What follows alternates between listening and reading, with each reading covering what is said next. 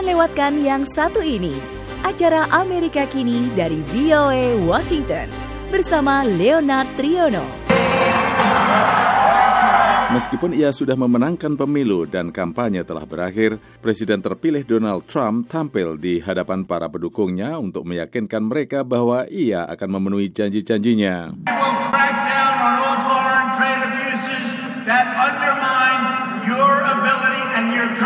Kita akan tumpas pelanggaran-pelanggaran perdagangan yang telah merusak kemampuan Anda dan kemampuan perusahaan Anda bersaing. Masa-masa itu sudah berakhir.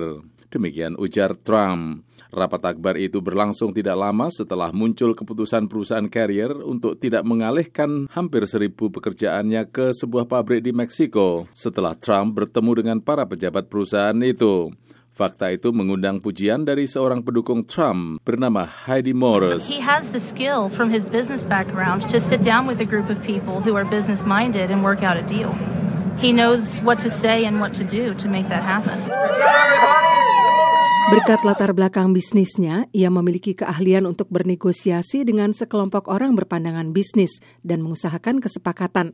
Ia tahu apa yang harus dikatakan dan apa yang harus dilakukan untuk mencapai kesepakatan itu. Namun beberapa puluh orang yang memiliki pandangan lebih kritis mengenai Trump melangsungkan protes di luar arena di mana rapat akbar itu berlangsung. Banyak di antara mereka mengkhawatirkan apa yang akan terjadi setelah Trump dilantik Januari mendatang. Dalam pidatonya, Trump menyorot perpecahan mendalam yang sedang terjadi di Amerika. We are going to bring our country together, all of our country. Kita akan satukan bangsa, seluruh bangsa kita. Kita akan temukan apa yang menjadi persamaan kita dan akan menuntaskan pekerjaan kita. Demikian ujar Donald Trump. Pendukung Trump lainnya, Irene McNulty, yakin Trump akan melakukannya. He hasn't forgotten us. Usually once they get elected, then we never see him again. Ia belum lupakan kita. Biasanya segera setelah seorang pejabat terpilih, kita tidak akan melihatnya lagi.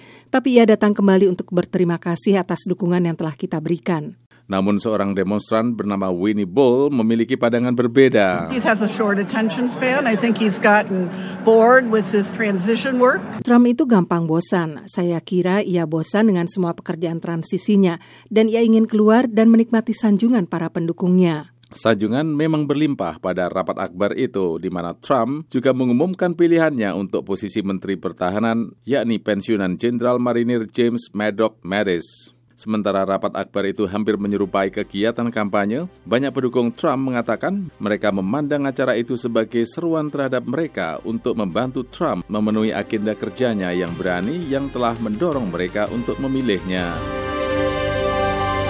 The Voice of America, VOA.